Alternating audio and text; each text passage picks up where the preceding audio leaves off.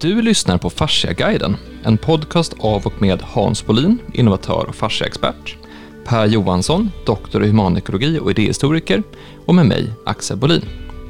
Sist vi tre satt tillsammans så pratade vi om hur tankar påverkar kroppen. Och kom fram till att tankar faktiskt verkligen påverkar kroppen på ett väldigt eh, intressant sätt, men också att det finns mängder av idéer vi går runt och bär på som vi kanske inte tänker på. Till exempel eh, ens föräldrars politiska åsikt kanske har påverkat ens idéer eller, eller ungdomsgängets tankar kring vad som är rätt och vad som är fel eller, eller en sån sak som att hur man hanterar kärlek eller, eller skam eller massa sådana saker får faktiskt effekter för kroppen. Men sen tog vi ett steg vidare och pratade om att det finns större idéer, kulturella idéer eller samhälleliga idéer som vi har fått med oss utan att vi har tänkt på det från skolan eller från eh, ja, men allt det här med vilka, vilka skolämnen är viktigast eller, eller vad, vad är ett samhälle, hur ska det fungera? Så det här har också fått effekter. Och det är det här som kallas indoktrinering. Och då pratade vi mycket om, om det. Och indoktrinering kan ju ske på både gott och ont. Det är också ett sätt för oss att förhålla oss till, till det samhälle vi lever i. Eh, men när man börjar titta på vilka idéer som finns som vi tar som självklara så kan det vara idéer som kanske inte är helt självklara. Och det är väl lite det spåret vi ska fortsätta på att titta på idag. Vilka, vilka idéer har vi egentligen om, om kroppen och hur kroppen fungerar och vad som händer med kroppen och vilka störningar som finns och hur allting hänger ihop. Vilka sådana idéer har vi egentligen som vi inte ens tänker på att vi har? Eh, och en sån, Per, är eh, the germ theory.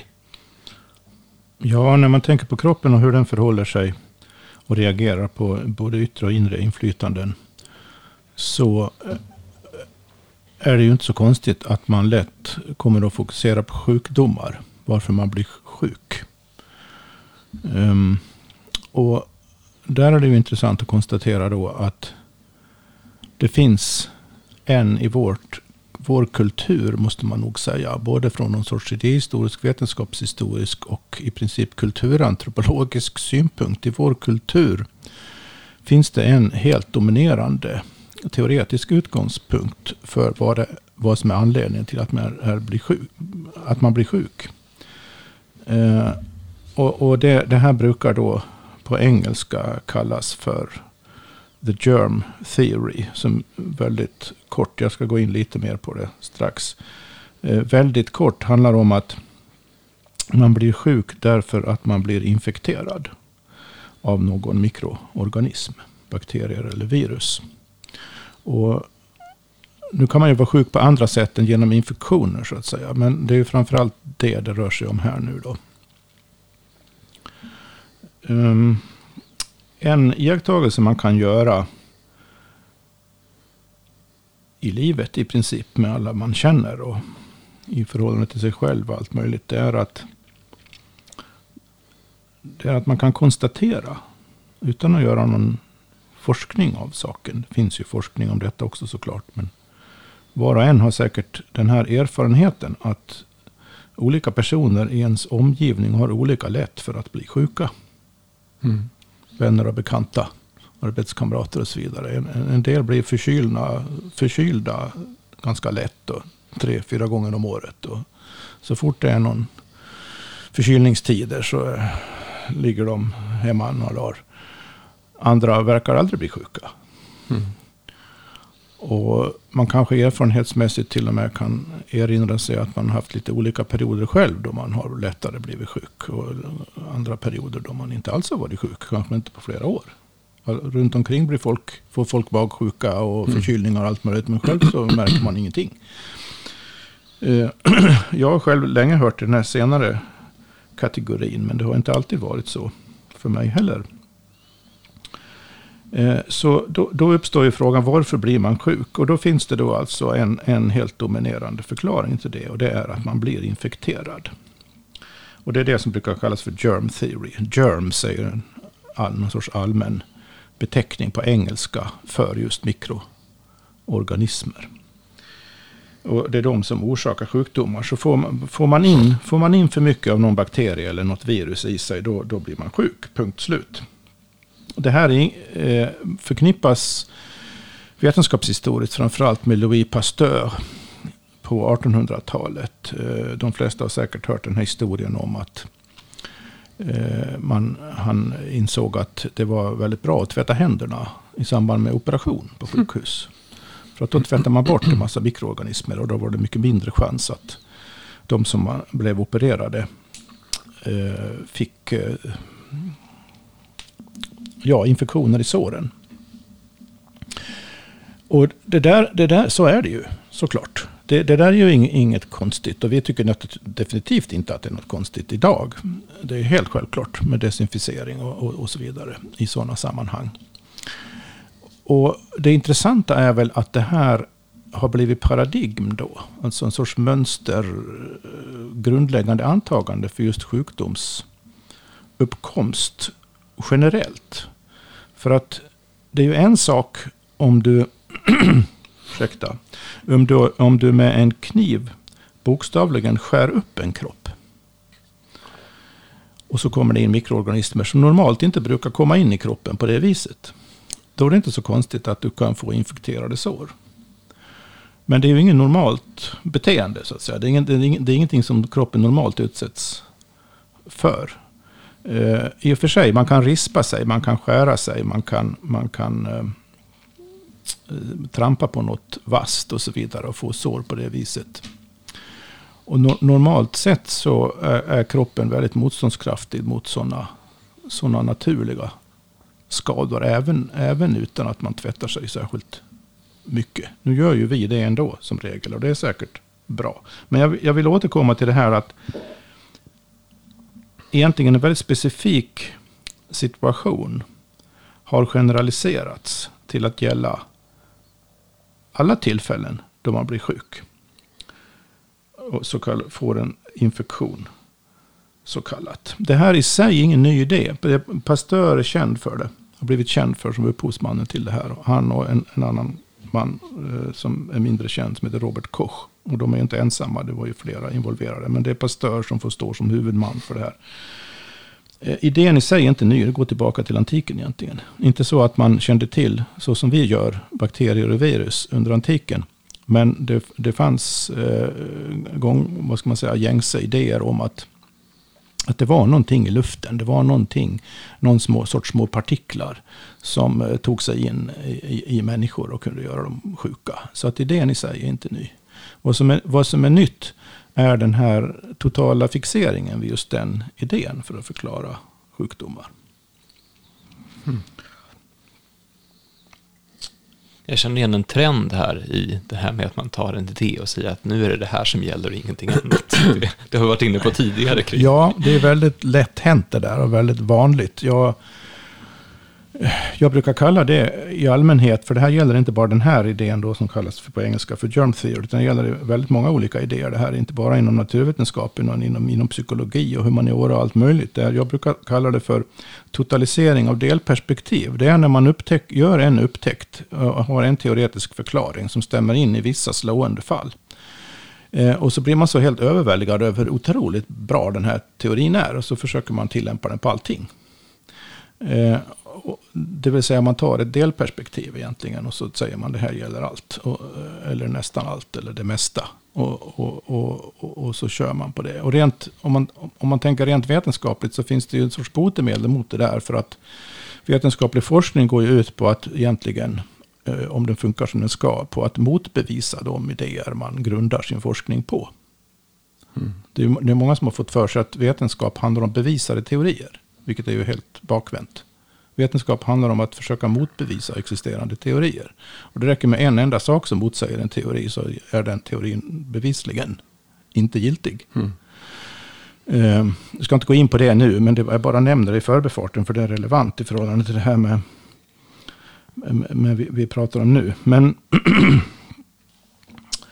uh, det finns ju då en kontrasterande idé till det här som kallas för germ theory. Och den har lite olika namn. På ett namn man kan stöta på på engelska är terrain theory. Eller jag skulle väl personligen kalla det för en ekologisk eh, syn närmare eh, bestämt. Nu ska jag bara tänka lite. hur jag ska fortsätta. Ni får gärna säga, komma emellan, för att, en, annars blir det så jättelångt föredrag. Ja, men jag kan säga som, som kommentar från det vi pratade om tidigare. Eh, för avsnitt 20 pratade om det här med hur, hur kroppen men hur man också skulle kunna säga att kroppen fungerar. Den här modellen med, med kroppen i mitten och det här ekologiska tänkandet med att allting är relationer och vikten av mångfald och vikten av att man hela tiden, alltså att kroppen anpassar sig kring vad som händer. Vi pratar om fascia och tryck, vi pratar om Eh, att det finns olika typer av störningar. Men sen pratar vi också om att kroppen är otroligt individuell. Att vi som två väldigt eh, DNA-mässigt lika Eh, konstellationer som jag och Hans är reagerar helt olika på olika typer av störningar. Och det här har både att göra med våra respektive eh, evolutionära ekologiska historier, men också våra histori vår historia i det här livet, alltså hur vi har hanterat olika saker som har kommit vår väg. Eh, men det var en sak som vi sa där som var ganska intressant och det var att när man tittar på på någonting, vi säger man testar någonting, man testar en teori, man testar ett läkemedel, man testar en effekt på någonting, då tittar man oftast på det som förenar oss, det som är generellt, det som är gemensamt. Eh, den gemensamma effekten man tittar på, på eh, vad majoriteten gör, alltså man gör en statistiskt urval och ser hur saker blir och sådär. Men det du sa då som är ganska intressant är att för mig som individ så är ju inte det gemensamma det viktigaste kanske, utan variationen. Därför att om vi tog som exempel om man får en, en biverkan av någonting och så är man en på miljonen som får den här biverkan. Då skiter jag ifall jag är en på miljonen mm. om den här biverkan jag fått påverka hela mitt liv. Så att det är ju, variationen i sig är ju viktig. Jag, alltså för mig spelar det ingen roll ifall 999 000 har klarat sig om jag blir sjuk. Det där är ju en sida av saken. Om man relaterar det till, till, till sig själv eller till individen på det sättet så, så är ju en effekt av, av eh,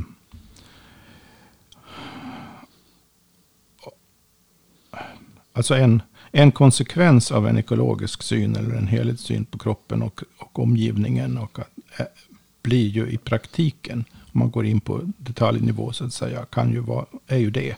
Eftersom människor är olika och reagerar olika.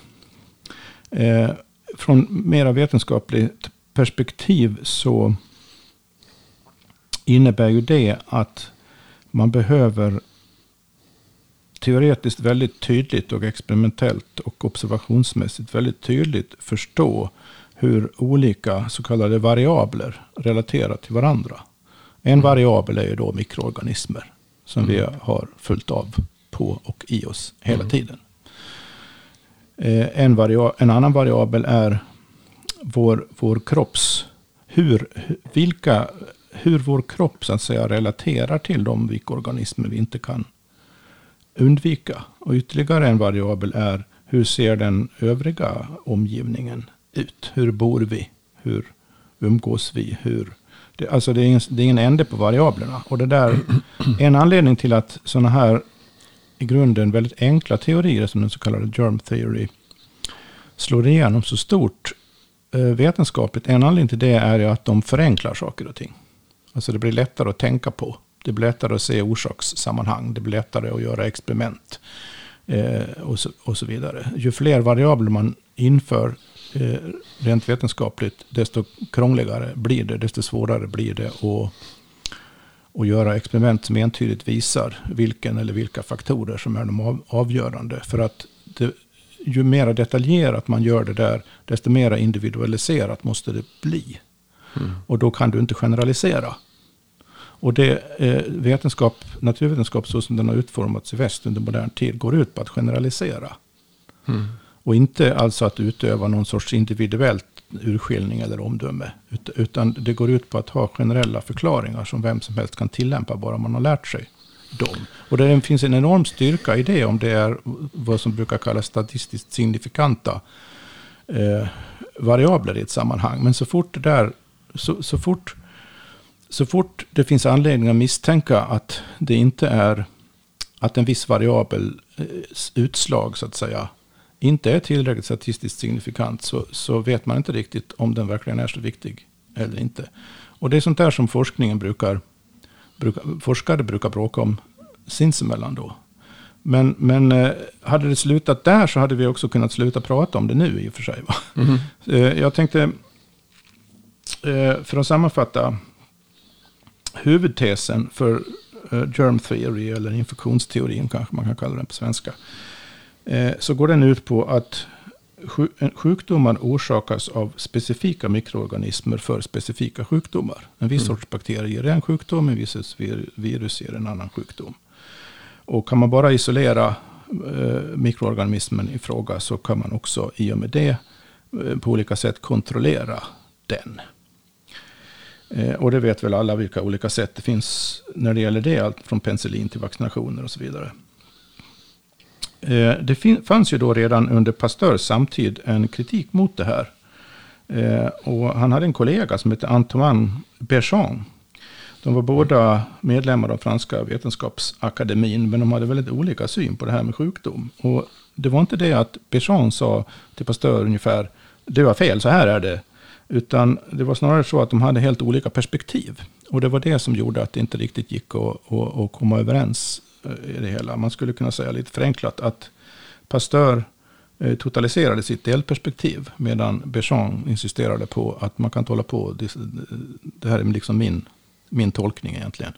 Bergeon insisterade på att man kan inte hålla på och totalisera delperspektiv på det där viset. Man måste se mera till, till helheten. Eh, Bergeon kan man säga såg kroppen, våra kroppar, som mini-ekosystem. Och när detta mini-ekosystem försvagas av någon anledning, det kan vara inre eller yttre påverkningar, eh, så växer vissa mikroorganismer som alltid finns, eller kommer, ibland nya, eh, växer de till sig. Så att om, om, om kroppens motståndskraft är försvagad så blir man sjuk av den anledningen snarare än av mikroorganismen i sig.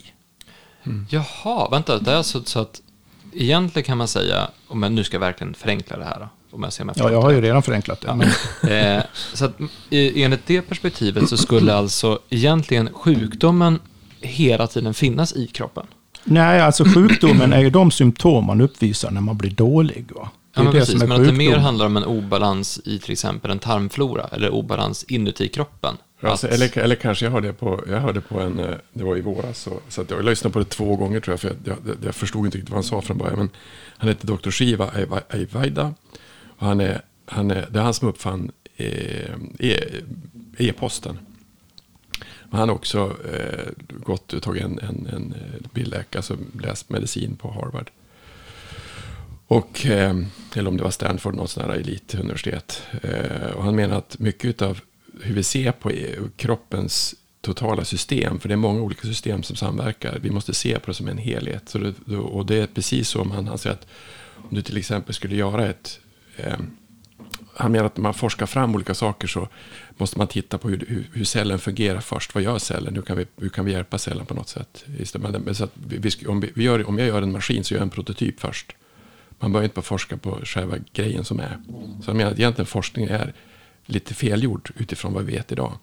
Men som exempel så sa han att det finns inget samband mellan HIV och aids. Och jag var ju, jag, jag var ju ung på 80-talet när, när aids kom. Och det var ju, det var ju livsfarligt. Alltså man, alla var rädda. Alltså jag tror hela, om ni kommer ihåg det, men jag tror att en, varför diskot bara försvann, det var för att det var, det var, ju, det var ju så, det var, det var ju livsfarligt med aids. Och då, då jag sa, men det måste finnas samband mellan HIV och aids. Men det sa, det finns inte. Det finns inget samband med HIV. Utan de som drabbades av aids, det var de som hade ett extremt svagt immunförsvar. Och det var då homosexuella män. Och det man inte, det han tog upp då i det programmet, det var att de hade fruktansvärt promiskuösa. De hade enormt mycket sex. Alltså en, en kille som de hade, han hade haft, det var en flyg, flygvärdinna tror jag det var. Han hade haft 2500 sexuella överföringar. Drogmissbruk var väl också en faktor i sammanhanget. Och så drogmissbruk. För det var ju sprutnarkomaner som fick det. Och sen var det de som fick blodtransfusion. Därför vid blodtransfusion så försvagar du kroppens immunförsvar. Med, för att blodet är då försvagat, annars skulle vi stöta bort det. Så att sambandet mellan, egentligen sa han att, att de som, för det visar sig att det finns alltså i Afrika jättemånga som, i något land som har jättemycket eh, HIV, men ingen har aids. Så därför har man till exempel på, jag tror att det var 2000, fram till 2000, Att man fick inte försvaga immunförsvaret så att vaccination fick man inte ge till, till eh, för du får ju, du får ju en, en, en påverkan då på immunförsvaret utav vaccin generellt. Så det fick man inte ge till, till eh, eh patienter som hade HIV för då kunde man få igång så det kunde sätta fart på att det vart aids.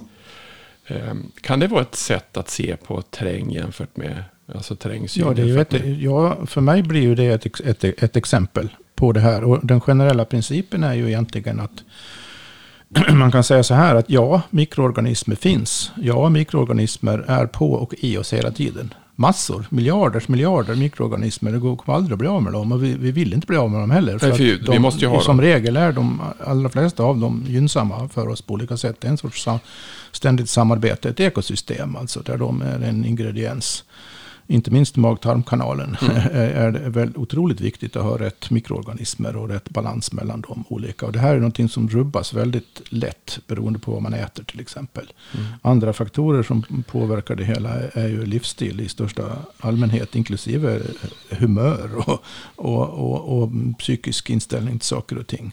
Och det, det vet vi ju alla egentligen som har någon reflekterat lite grann att sådana där saker påverkar hur vi mår. Och vi vet också att om vi, om vi har varit stressade en tid eh, och haft mycket, mycket och oroat oss för saker och så vidare så blir vi lättare förkylda. Jag mm. vet ju definitivt det av egen erfarenhet. Jag skulle vara förvånad om inte många andra känner igen det. Så, så eh, mår man bra blir man inte lika lätt sjuk. Mår man sämre av en eller annan anledning så blir, får, blir man, får man också lättare, lättare, eh, blir man lättare drabbad av så kallad infektion. Och, och, eh, sen kommer det ju in nya former av eh, framförallt virus då och då. Och då, då är det klart, då, då, då är det för vissa människor en, en initialt rubbad balans. Och, och, fler än vanligt blir sjuka av det här nya viruset då. Mm. Eh, men, för, men för, så att jag hänger med här. Mm. Så den, the germ theory säger i princip att, att det, är, det finns en mikroorganism, alltså virus, bakterier, någonting sånt, som gör att du blir sjuk. Ja, det, alltså den är väldigt specifik. Den säger att du får den, och den sjukdomen på grund ja, av den, den och den mikroorganismen. Så att om du kan, om du kan alltså bli av med den, just den mikroorganismen. Då får du inte sjukdomen. Så blir du av med sjukdomen. Okay, men den här andra, den här eh, kritiken eller kommentaren eller tillägget eller vad man skulle säga, det andra perspektivet till det. Det är snarare att, att mikroorganismerna finns. Men det är när mitt system blir obalanserat som sjukdomen, sjukdomen uppstår, ja. eller byter ut. Ja. Och det kan ha att göra med den mikroorganismen, men det kan också vara en annan. Ja, så kan det vara. Så mikroorganismen i sig är inte alltså kopplad till Det viktiga här är att, eh, som en del lyssnare kanske känner till, så har, den här, har det här blivit en, en uh, olycksalig, kontroversiell i, i vissa mediala sammanhang. Kontrovers i, i vissa mediala sammanhang nu, numera. Där, där man sätter Pasteur mot Béchamp säger, och, och, och, och, så bråkar folk. Liksom, som de helhetstänk, mera helhetstänkande säger. Béchamp hade rätt och Pasteur hade fel. Medan etablerad vetenskap så kallad säger att Pasteur hade rätt och Béchamp är flum ungefär. Mm. Eh, man får den här vanliga eh, bilden av en, en, en eh, motsättning. Oöverbryggbar motsättning. Men det är ju egentligen en, en eh, fel felaktig bild av hela, från vetenskaplig synpunkt skulle jag säga, helt felaktig bild av hela situationen. För att det är inte, det är inte så att de här motsäger varandra ut, egentligen. För att det, det är inte så att Béchamp-perspektivet, ekosystemperspektivet på kroppen, helhetsperspektivet på kroppen. Det är inte så att det säger att det finns inga mikroorganismer som kan, man kan bli sjuk av. Nej. Utan det säger att det finns andra faktorer här i sammanhanget som gör som bidrar kanske mera till att man blir sjuk eller förhåller sig frisk än själva mikroorganismerna i sig. Just det, för det som är grejen med till exempel eh, germ theory, alltså då menar den egentligen att allas, allas immunförsvar är exakt samma. Ja, i princip.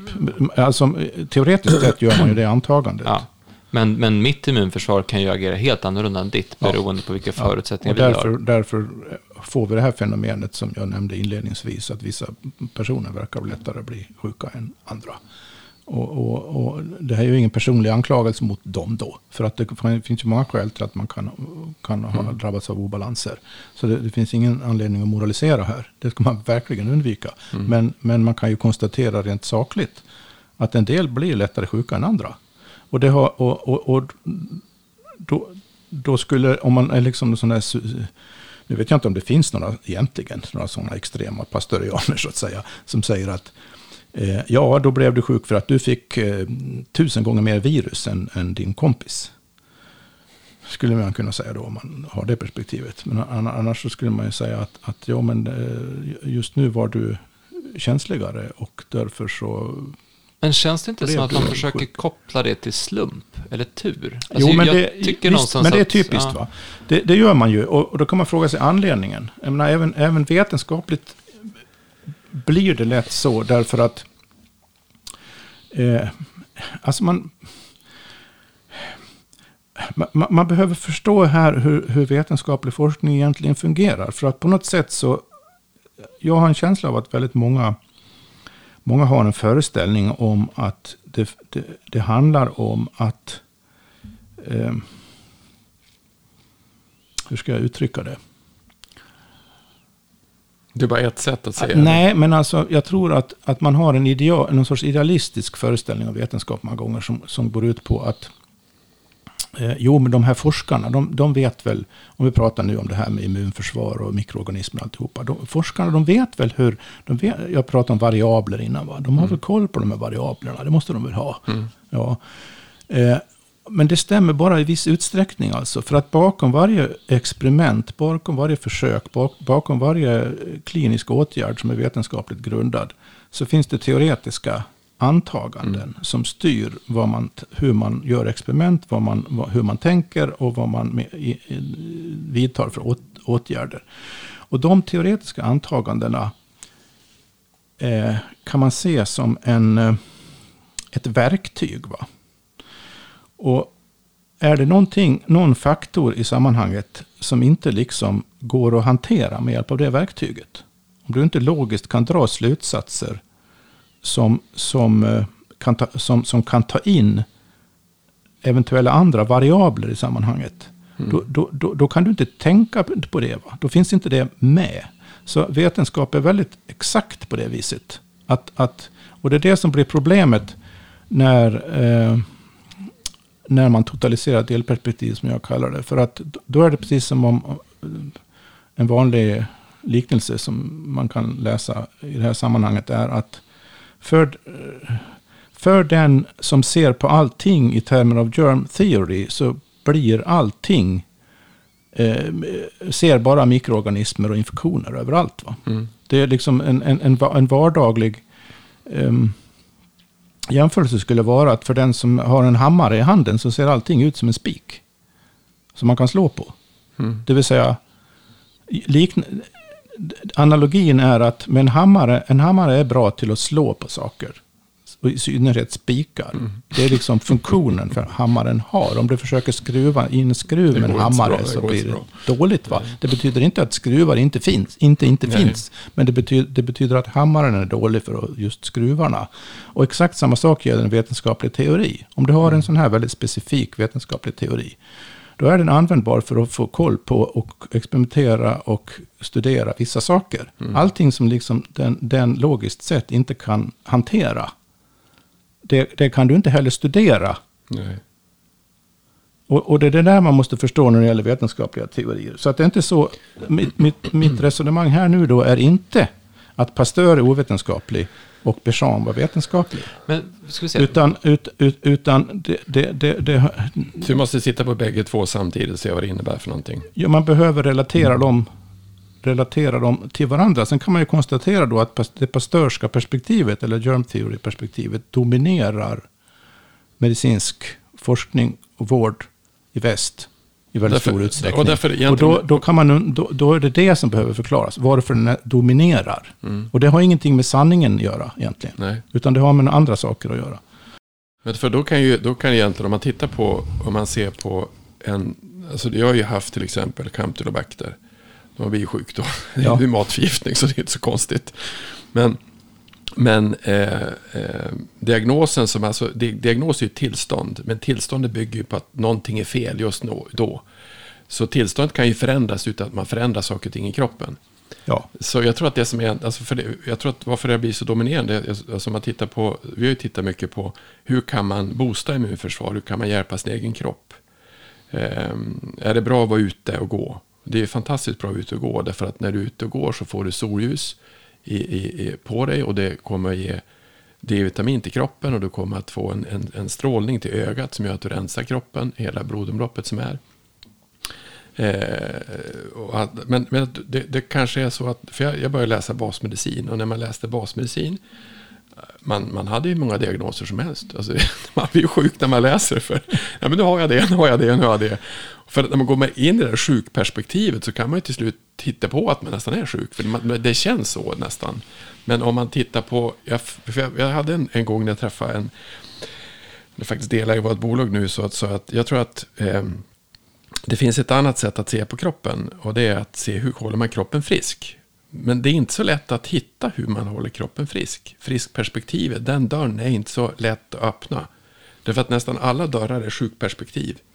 Ja, Men, i västerländsk medicin har det blivit så. Den är ju sjukdomsinriktad. In, ja. Det, det, betyder ju att man fokuserar på det som kallas för sjukdomstillstånd, egentligen akuta tillstånd som man kan hamna i. Och ett, en typ av akuta tillstånd som man kan hamna i det är att man har fått en så kallad infektion. infektion som ja, du då. Mm. Alla har ju haft infektion av ett eller annat slag. Mm.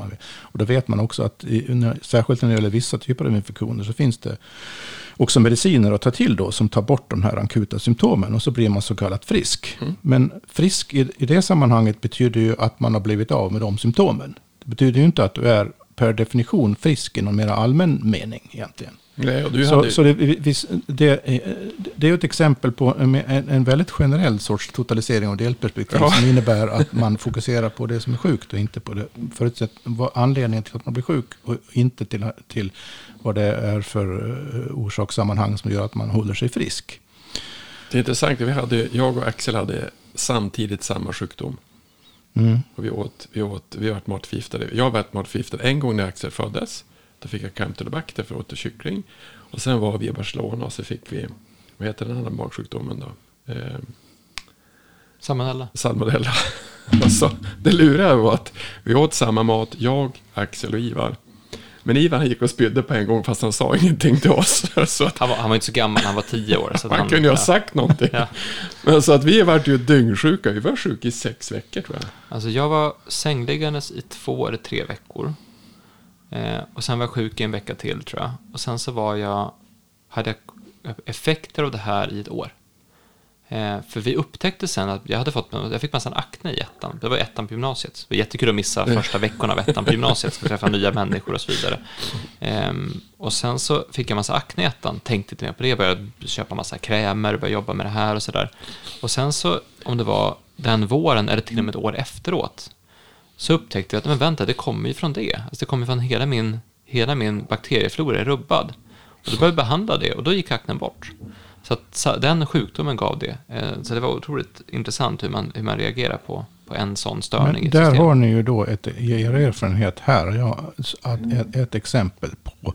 Ja, men det är väl klart att det var salmonellabakterien på ja. sätt och vis som gjorde att ni blev sjuka. För att den ingår inte i ert Nej, vanliga ekosystem. Det liksom rubbar, rubbar ekologin. Mm. Så det, det är ju inget konstigt. Och det är ju också ett stöd då för den här germ theory såklart. Mm. Mm. Ja, så det är ju inte så att germ theory är fel när det gäller sådana just akuta saker och när det, när det går det, överstyr. Det för mig in på, för det var, jag tänkte på det när du pratade om det här med vetenskap.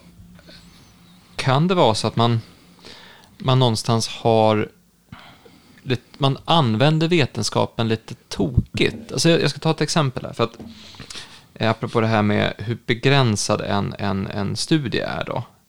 För alltså vi skrev vår uppsats, där jag berättade om förut, men vi skrev den om, om eh, hur entreprenörens roll i bolaget förändras under tillväxtfasen. Det var den väldigt specifika del vi fick titta på. Eh, så att hur, är, hur är rollförändringen hos en entreprenör under tillväxtfasen i ett bolag? Och då intervjuar vi tre stycken eh, bolag och så intervjuar vi de här entreprenörerna och sett hur, hur har deras rollförändring varit genom de här åren och så sen så kopplar vi det till befintliga teorier om tillväxt och så sen befintliga teorier om entreprenörens rollförändring och så sen så eh, gjorde vi någon form av slutsats kring hur det var. Så där.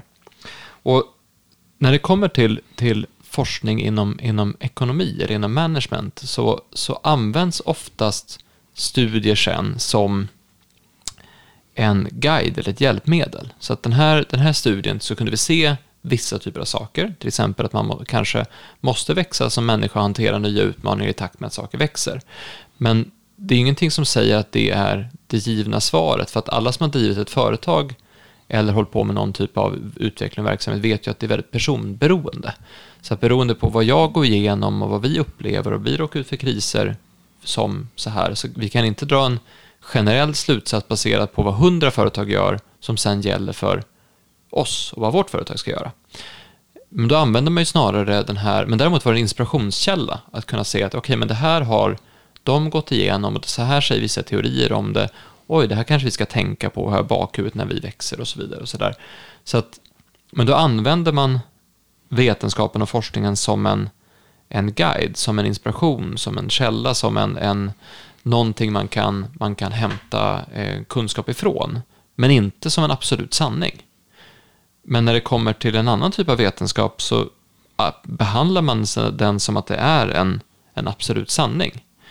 Och det är kanske där ett av problemen ligger. Ja, det är grundproblemet. Det finns inga vetenskapliga teorier eller forskningsresultat överhuvudtaget som är, är några absoluta sanningar. Det existerar inte i sinnevärlden. Det finns inte. Det, går, det kan inte ens finnas. Och det, det, är därför det är så tokigt när man pratar om vetenskap i termer av, av, av sanning på det viset. Alltså, det fanns ju en vetenskapsfilosof som heter Karl Popper. Han, han, han tyckte att det var bättre att prata om, om, om eh, eh, sanningslikhet, om jag minns rätt nu, skulle man kunna säga på, på svenska. Det vill säga, vad, vad, är syftet med vetenskaplig forskning? Och nu pratar jag om den här strikta naturvetenskapliga typen av forskning.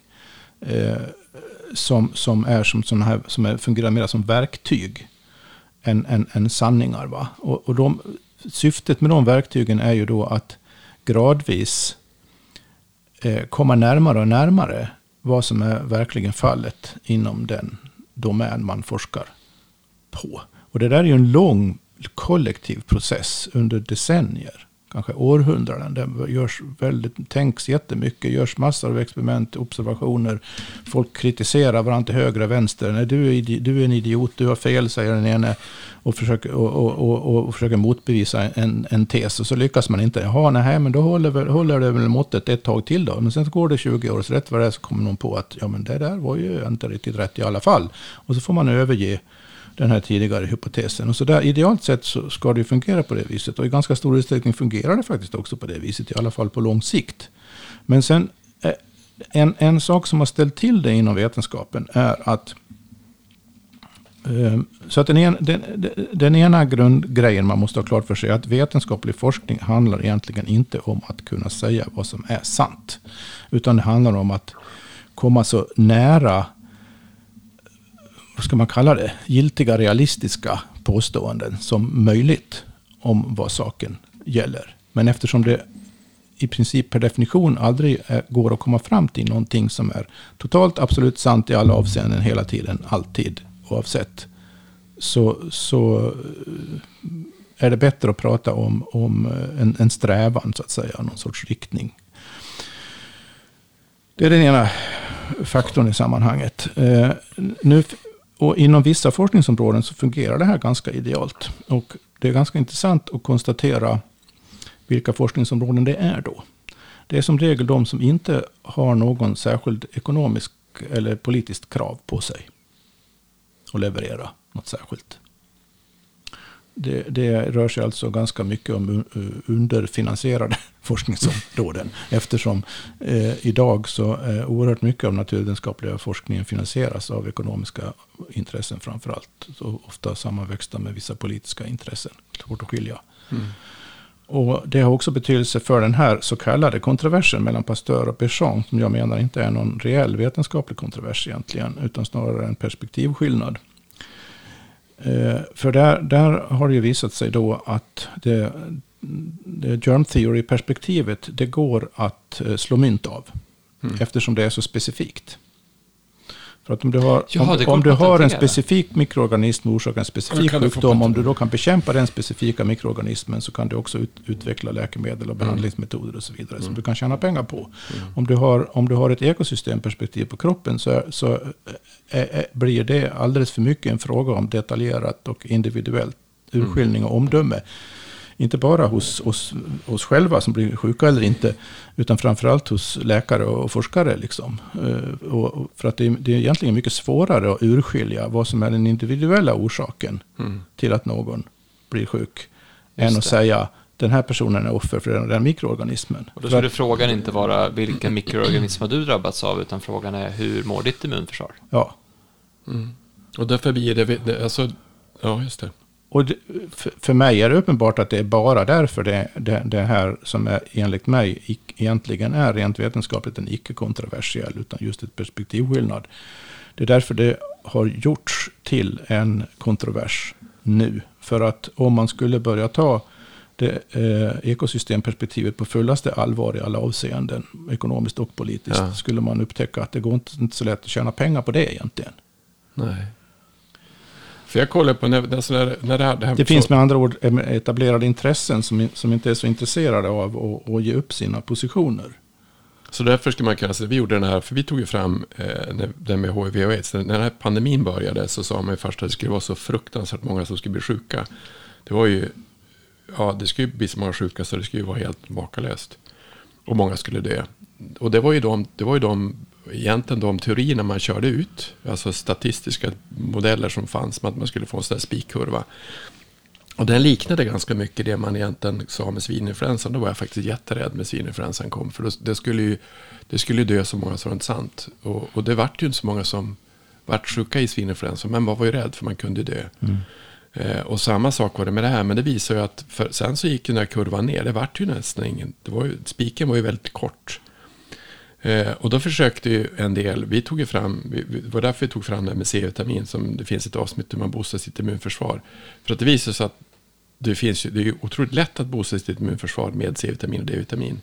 Alltså du kan ju bli fantastiskt mycket friskare. Och jag tror att det var en, det var en, faktiskt en, en läkare som vart sjuk i Los Angeles, som var intensivvårdsläkare som vart sjuk.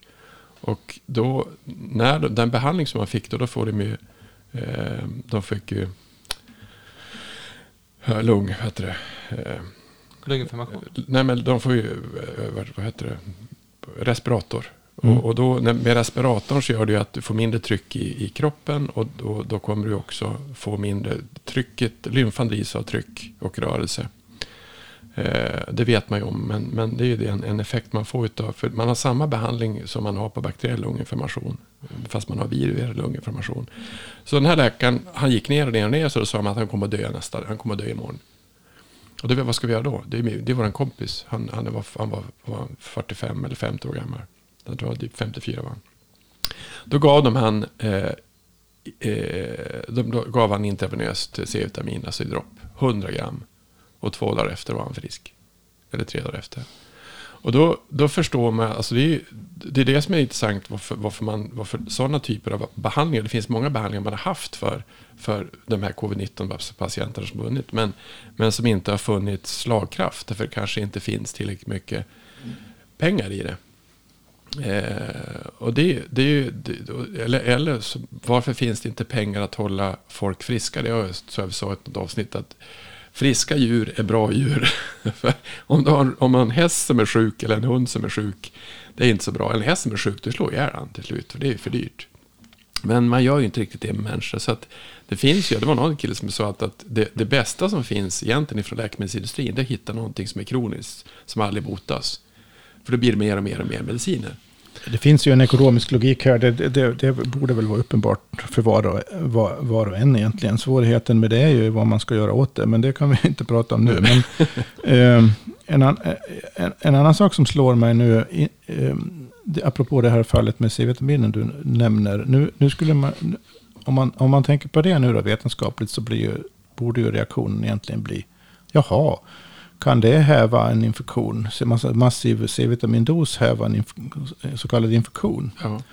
Eh, det måste vi forska på. Och det görs ju också i och för sig då. Men, men, men det, slår, det slår inte igenom antagligen av de skäl vi var inne på. Men det finns en annan sida av det här som kanske just det inte är ett bra exempel på. Men det finns ju, alla har ju, hör ju historier om folk som har tillfrisknat hit och dit från det ena och det andra.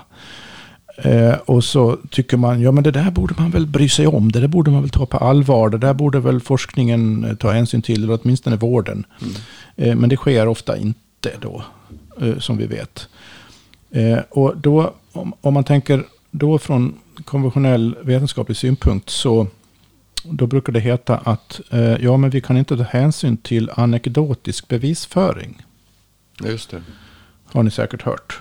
Alltså anekdoter har ingen vetenskaplig status. Och det där kan man ju som vanlig människa då tycka är lite konstigt. För att om man tänker efter, väldigt stor del av ens liv och vad man baserar sina handlingar och... Är ju anekdoter. Är ju anekdotiskt baserat. Ja. Eh, men vetenskapligt så kan man inte göra det. Och, och varför då? Och det, det, hänger då ihop. Det betyder ju va, att man tycker, om man har den här föreställningen att vetenskapligen handlar om att få fram sanningen med stort S. Mm. Och så har du då här en anekdot som antyder att sanningen skulle kunna vara i en viss riktning. Eller så, att sanningen skulle kunna vara olika. Eller olika, ja. Mm. Så, såklart. Mm. Men, men, men, och så undrar man, ja men varför tar man ingen hänsyn till det här i forskningen då? Mm. Och svaret på den frågan är, är, är, har också att göra med det här jag sa. Att man måste förstå att en vetenskaplig teoribildning är ett verktyg. Som är väldigt, bäst, de bästa vetenskapliga teorierna är otroligt exakt utformade. Så att de, de, de, de kan verkligen bara användas för att se och studera och uppmärksamma vissa typer av fenomen. Allting som hamnar utanför det, det kan de överhuvudtaget inte se. Och det finns i den vetenskapliga metoden också bygger på generaliseringar. Så att den kan inte, den kan inte ta hänsyn till enskilda fall. Enskilda fall kan bara så att säga ge idéer. Och om den idén sen inte kan liksom, eh, göras teoretiskt relevant och experimenterbar och så vidare. Nej, men då, då, då, det spelar ingen roll om det har hänt på riktigt eller inte. Det går inte att göra något vetenskapligt av det. Mm. Så det här är också min slutsats av allt det här, mm.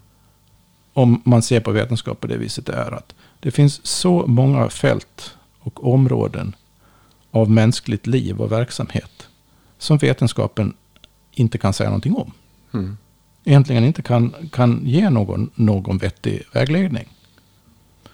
Och det behöver vi acceptera. Vi behöver ha, ha liksom andra, andra sätt att tänka, andra metoder, andra, andra sätt att resonera än de här strikt vetenskapliga för att hantera det. Och det gör vi också. I vardagen gör vi ju det hela tiden. Men det har ingen riktig in, eh, intellektuell status jämfört med vetenskapen då. Så det stor, stora problemet är att vi har liksom satt vetenskapen med stort V på någon sorts piedestal. Och kräver och förväntar oss av att den ska leverera det vi tycker behöver, vi behöver i alla avseenden. Mm. Och den tanken behöver vi nog, nog, nog ge upp. Det betyder inte att man ska vara vetenskapsfientlig eller, eller liksom antivetenskaplig. Men det betyder att man behöver också se begränsningarna. Mm. Precis, så egentligen det är, inget, det är inget problem i... Problemet är inte vetenskapen. Problemet är hur vi använder och förhåller oss till det. Ja. Problemet är inte eh, om germ theory stämmer eller inte. Problemet är att hur förhåller vi oss till germ theory? För jag tänkte på det lite grann med, vi var inne på det tidigare, att, att ja, vi säger nu att det kommer en sån här grej som att ja, men C-vitamin intravenöst, det kan vara jättebra. Eller här finns en behandling för frozen shoulder eller någonting sånt där. Eller någonting sånt. Och då tänker man så ja men, men testa då. Alltså tänk själv. Eller om, om jag är intresserad av att, om jag, du kommer till mig och du är intresserad av det är bra, då kan jag testa en massa saker. Eh, och jag kan ju tänka själv och känna efter mm. och bygga det på erfarenhet eller fråga någon som någon annan sådär. Men, men då kommer, för jag fick ett mejl häromdagen också om hon sa, ja men, ja men jag måste ju luta mig mot evidens. Så. Och det finns en sån kommentar att, ja, men jag, eh, vad finns det för studier på det här nu? För jag måste luta mig mot evidens. Mm. Om jag ska behålla min legitimitet och vara professionell och så vidare.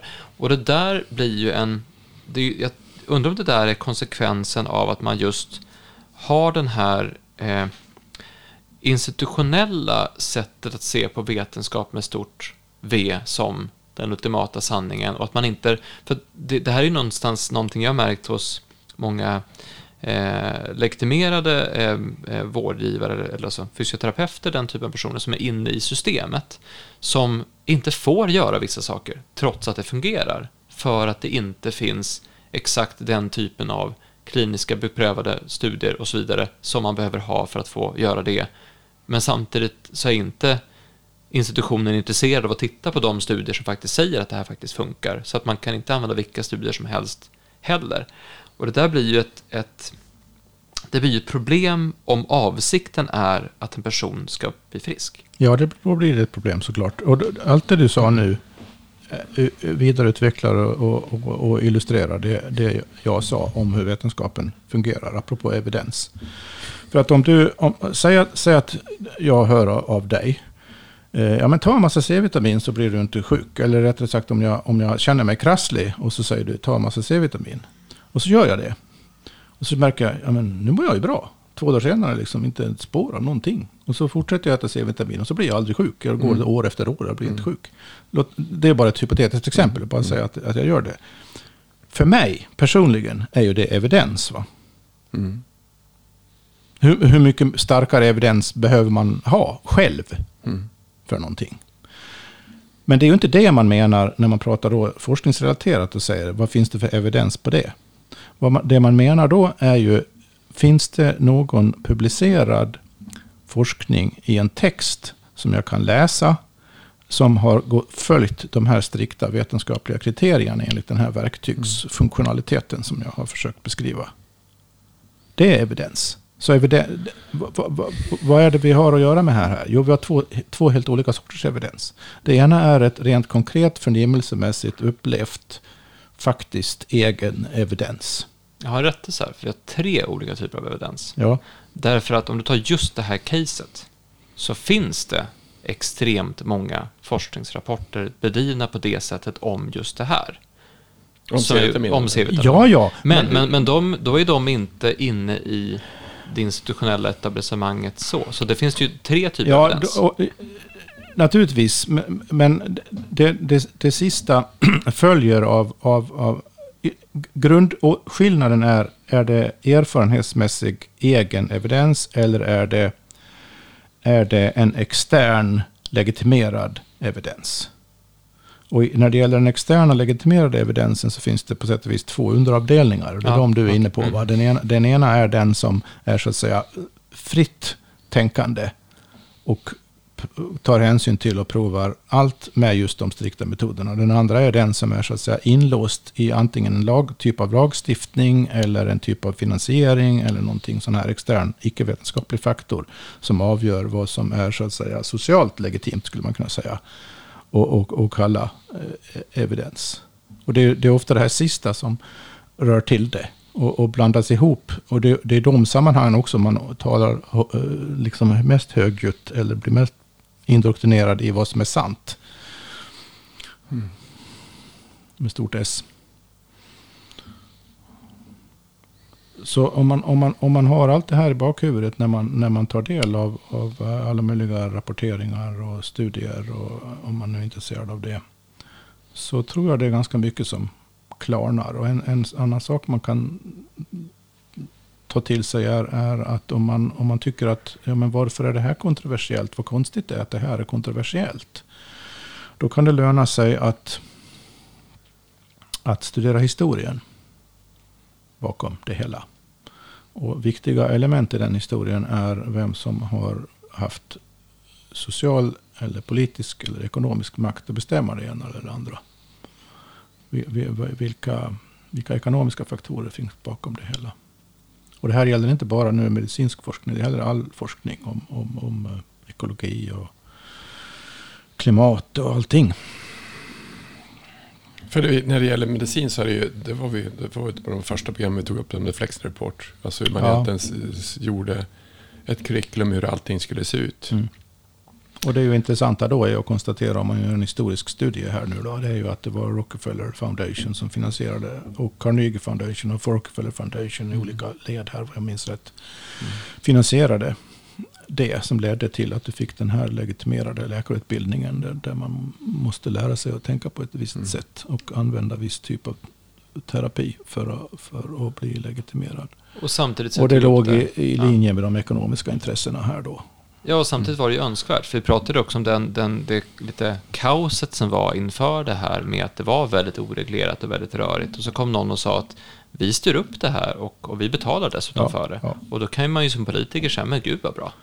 Mm. Ja, och det är det som också gör det svårt, det som försvårar diskussionen nu för tiden, ofta nu då, när, när så fort någonting är lite mer alternativt eller lite mer i förhållande till domin, det som dominerar, så börjar folk prata om konspirationer hit och dit och konspirationsteorier och så vidare. Och, och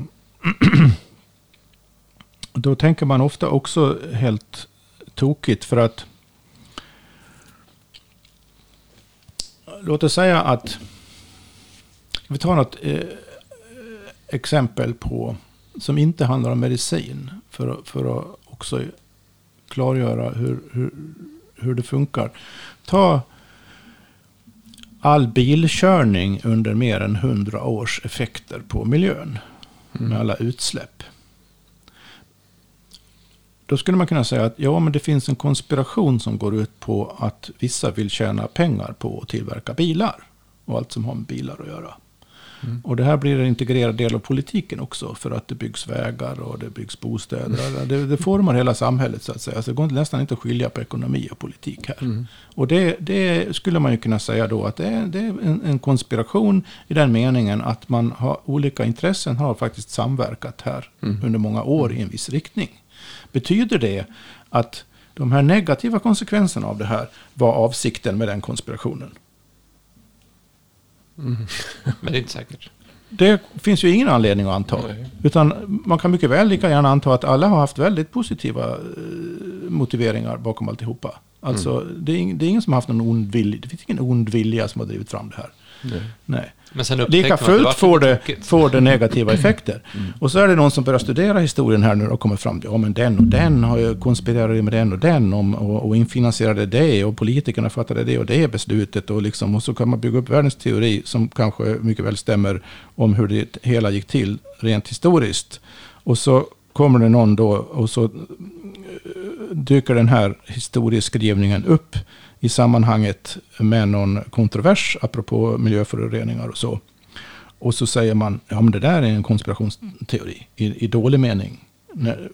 Alltså, först, förstår ni mm. liksom hur, det, hur lurigt det är? Va? Mm.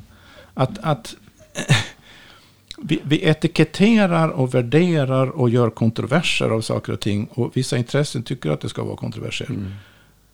Och, och, så tappar vi koncepterna. Liksom. Ja, men precis. Man, man tänker, alltså ibland så kanske man utgår från att det finns en ond avsikt som kanske bara snarare handlar om en, en, en konsekvens av ett händelseförlopp. Det finns en, nu ska jag göra en sån här populärkulturreferens igen.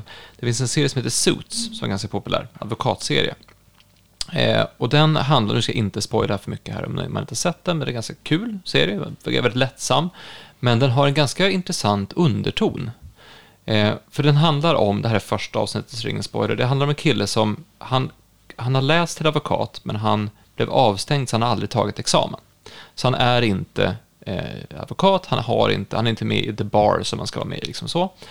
Eh, men han är väldigt duktig och har fotografiskt minne, så han är jätteduktig. Så. Och han vill göra gott för människor. Då, han eh, fångas upp av en, en, en eh, toppadvokat i New York som liksom så här, ja men, du, kom och jobba med mig. Så han, han, han lurar alla att han är, de två tillsammans lurar alla att han är advokat, att han har sin grej. De förfalskar till och med dokument så att han ska vara advokat. Men han gör ju det här för att han vill använda sina krafter som advokat till att göra gott. Men han jobbar ju på en toppadvokatfirma. Så att de han försvarar är eh, oljemagnater, det är industrialister, det är sådär. Då och då får han göra ett case där han faktiskt gör någonting bra, ett så kallat pro bono-case, eller att de får hjälpa någon sådär. Men men med tiden så det börjar mer och mer bli att, att det, det är inte varannat som kanske dealen var från början, utan det är eh, en av tre, eller så är det en av fyra, så det är en av tio. Så att någonstans så, så han har rättfärdigat sitt fusk med att han vill väl. Men med tiden och omgivningen och allting som händer runt omkring så, så, så gör han inte väl enligt vad han någonstans sa, men han, han rättfärdigar det ändå med att han måste göra det för att göra sådär. Och sen är de insnärjda i den här grejen att de måste hålla på sådär. Och det är en ganska intressant analys av hur en, en människa kan, kan korrumperas utan att riktigt vara medveten om det. Alltså hur man kan röra sig mot att göra mm. någonting. Det, hur, egentligen hur lätt det är att intala sig själv att det är okej okay ändå. Och lite det är det vi, vi har varit inne på det tidigare, du har varit inne på det i dina andra poddar också, att, att man, någonstans kan man rättfärdiga moraliskt tveksamma saker med att säga att ja, men det är komplext. Eller, eller ja, men det, ja, det, det är så svårt att, var ska man börja någonstans? Eller, eller, ja, det, alltså det, det, är så lätt att, det är så lätt att intala sig själv att saker som egentligen inte är okej, okay, är okej. Okay. Och det, det kan man ju se om vi tar de här bil, eh, biltillverkarna och politikerna som du tog upp i ett, ett exempel. Det kan ju vara så att de upptäckte efter ett tag att vänta, det här var ju inte bra. Det fick, finns ju en massa negativa konsekvenser, men det har ändå gjort en massa gott och det är en massa jobb som har kommit av det här och det, det här är ändå en viktig samhällsfunktion och det, alltså det är nog ganska bra ändå. Ja, men vi tystar ner de här som, som alltså du vet, man, man gör det inte för att man är ond, utan man gör det för att man har hamnat i en, i en situation där man tror att man inte har något val. Ja. En annan anledning som förstärker det hela kan ju då vara att när någonting väl har blivit så integrerat i hela samhällslivet så är det väldigt svårt att bara ta bort det. Så att säga. Det, det, för att det, det, eftersom allting, även här eh, finns det en ekologisk dimension. Där saker hänger ihop, relaterat till varandra på, på, på vissa vis. Så man kan inte bara ta bort en, en, en sak, en central sak. I, I det här fallet i ett artificiellt ekosystem. Eh, och förvänta sig att alla de andra sakerna som vi har vant oss vid skulle förbli de samma. Det, det, det går inte. Så, så det är ytterligare en anledning till att det är svårt att och, och, och, vad ska man säga, ta sig ur situationen. Generellt eh, finns det väl anledning och så att säga politiskt, eh, journalistiskt, allmänt tankemässigt vara väldigt uppmärksam på allting som utger sig för, väldigt tydligt utger sig för att vara gott. Av det just den anledningen. Just det, för det kan vara ett sätt att rättfärdiga någonting som kanske inte är gott. I sig själv också för den delen. På, all, på, alla sätt. Det, fin, har det här finns ju ett gammalt talsätt som är, talesätt som är mer använt på engelska, men som på svenska blir att vägen till helvetet är stensatt med goda föresatser. Mm. Men jag tror, alltså om du tittar på fascia som vi pratar utav med Camilla, vi pratar att, att fascia som definition att det är ett organ och det, eh, det finns ett flöde som går över hela kroppen samtidigt. Eh, vi har också en sak som kommer fram som är, som är ungefär lika ny som fasciaforskning, det är mikrobiomen, alltså hur mycket, hur mycket mikroorganismer vi har i tarmen utav, utav, utav bakterier, virus och svampar och det är nog så fruktansvärt mycket så det är ju otroligt. Det är sex eller hundra gånger mer än vad vi har celler tror jag. Eller om det är tio gånger, det är fruktansvärt mycket tarmen. Och det, därför blir ju de här just fascia och, och mikrobiomforskning, det, det, det blir ju det, det, är ju annorlunda att tänka så, att tänka helhet, att tänka på ett annat sätt. Och det, alltså egentligen fundera på, vi hade, vi hade nu en, en utbildning som, eller certifierade några fasciaterapeuter, då var det en fasciaterapeut som vi har som jobbar med våra maskin och behandling i alla fall. Hon är ayurvedisk specialist också. Så hon tittar ju mer på, och det är ju, alltså ayurvediskt tänkande är ju så annorlunda sätt att se på att först att vi är en kroppstyp, alltså det finns tre, tre yrtyper, sen är vi del av den typen. Och det är, det hur vi tänker, vilket nervsystem vi har och hur det påverkar oss och vad vi ska äta och hur vi kan få obalans och en massa. Och de, det, jag, var, jag berättade då, jag var till en sån läkare som tittade, tog min puls på en minut och hittade alla fel jag hade. Det var ju lite sjukt, men det tog ju han sju, jag tror det tog sju år att bli läkare på det sättet. Och de, de, de tittar ju på folk och de tittar, ha, nu ser det ut så här. Ha, du har ätit för lite av det här och för mycket av det där och sovit för lite där. Du måste göra så och så och så. Och så fick man då, du fick ju mat i typ en månad som man ska göra. Så kom man tillbaka igen och nu är det bättre.